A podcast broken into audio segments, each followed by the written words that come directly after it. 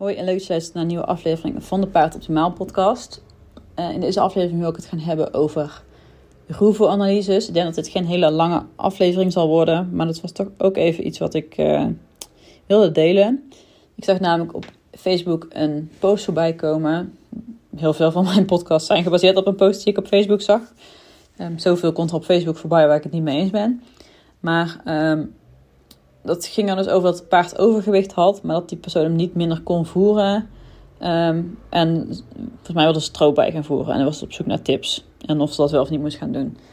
Um, en het eerste wat ik lees, als, als ik denk als ik zo'n... Um, ze kon niet minder ruw voor gaan voeren, had ik al gezegd. Nou het eerste wat ik denk als ik zo'n post lees, dan denk ik... Oké, maar is je ruwvoer geanalyseerd?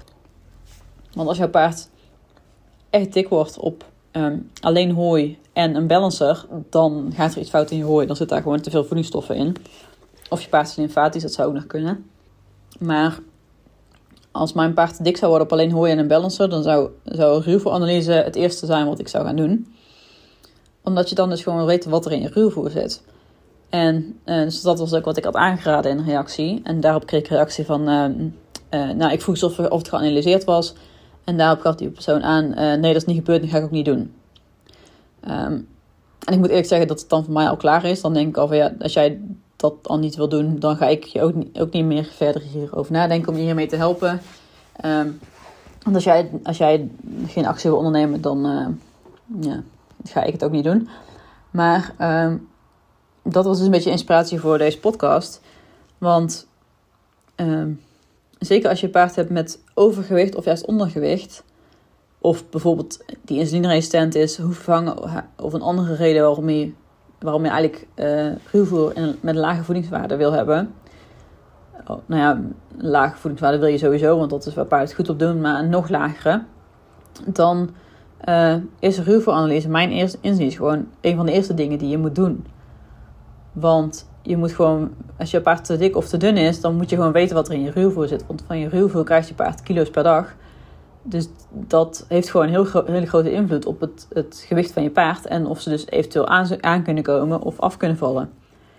Dus als jouw paard te dik is en je wil hem af laten vallen, of als je paard te mager is en je wil hem aan laten komen, dan is wat mij betreft de ruwvoeranalyse dus het eerste wat je moet doen.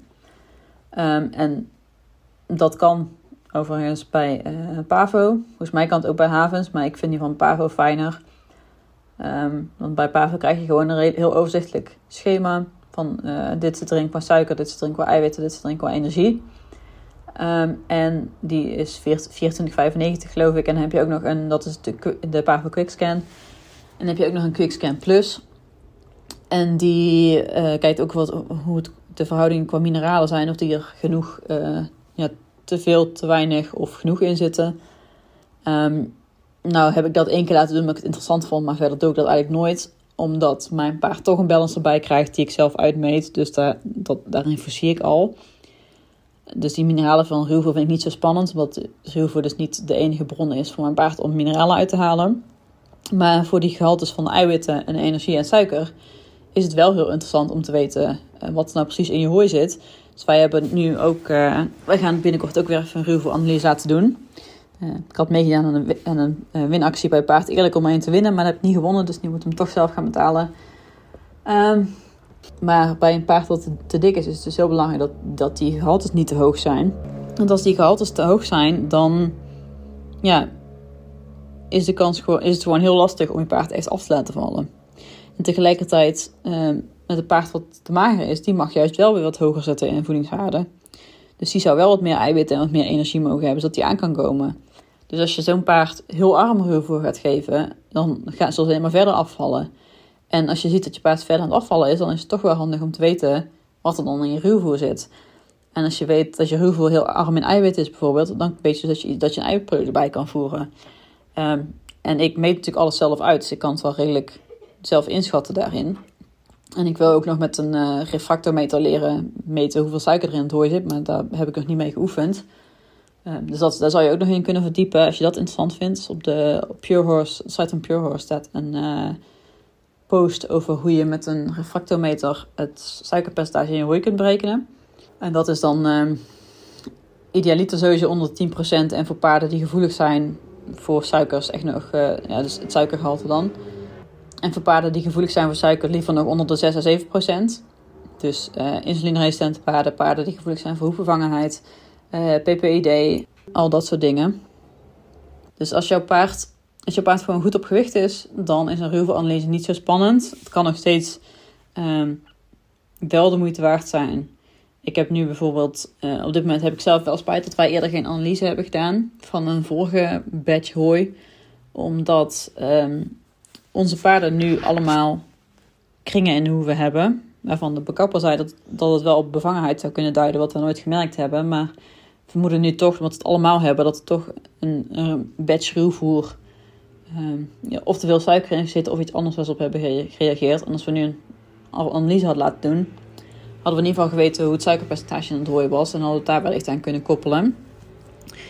Um, dus ja, ik vind het altijd wel heel belangrijk om een ruwvoeranalyse te doen. En ik snap ook dat als je bijvoorbeeld op pensioenstal staat, maar ook als je um, nou ja, gewoon steeds van andere partijen hoor je hebt of van andere leveranciers, dan wordt het ook heel lastig.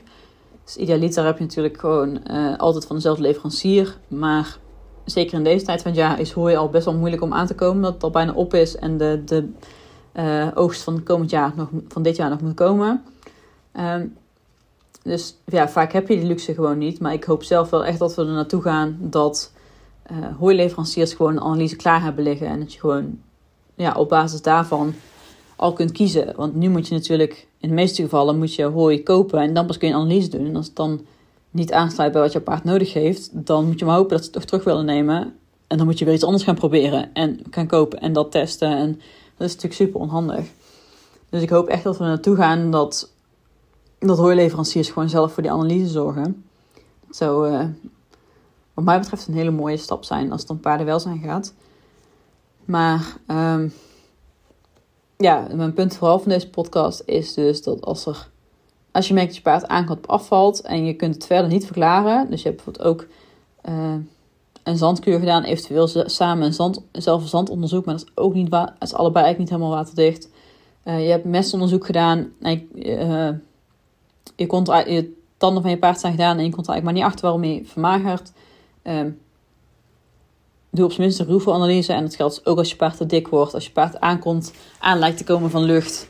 Um, doe een ruwvoeranalyse. Dus ik zie ook nog wel eens mensen zeggen van ja, maar ze krijgen gewoon hooi, droog hooi. Uh, ja, dat maakt niet uit, daar kan nog steeds veel suiker in zitten. Um, maar ja, voordroog kan armer zijn qua voedingsstoffen dan gewoon heel mooi hooi. Daar moet je echt analyse van maken om dat te weten. Dus dat je paard hooi, hooi is niet per definitie gezond. Wil ik daarmee te zeggen. Dus het feit dat je paard hooi krijgt, wil nog niet zeggen dat, dat uh, daar geen problemen vandaan zouden kunnen komen. En uh, ja, dus dat wil ik eigenlijk vooral delen in deze podcast. Dat als er iets, iets, als je iets opvat aan het gewicht van je paard, dat een verandering daarin die negatief is, Um, ja, doe een ruwvoeranalyse. Dat is echt uh, iets wat mij betreft ook in het rijtje hoort van uh, checken op wormen, checken op zand, uh, tandarts, bla bla bla. Dat daar ook gewoon een ruwvoeranalyse in zit. Als er iets, als je echt tegenaan hebt wat vanuit de voeding zou kunnen komen. Dus ook als je paard niet op gras staat, dan kan er steeds in het hooi iets, met hooi iets aan de hand zijn, waardoor je paard toch aankomt, bijvoorbeeld. Dus ja, dat uh, wat eigenlijk ook wil zeggen. En langer hoef ik deze podcast eigenlijk niet te maken. Dus bedankt voor het luisteren en uh, tot de volgende keer.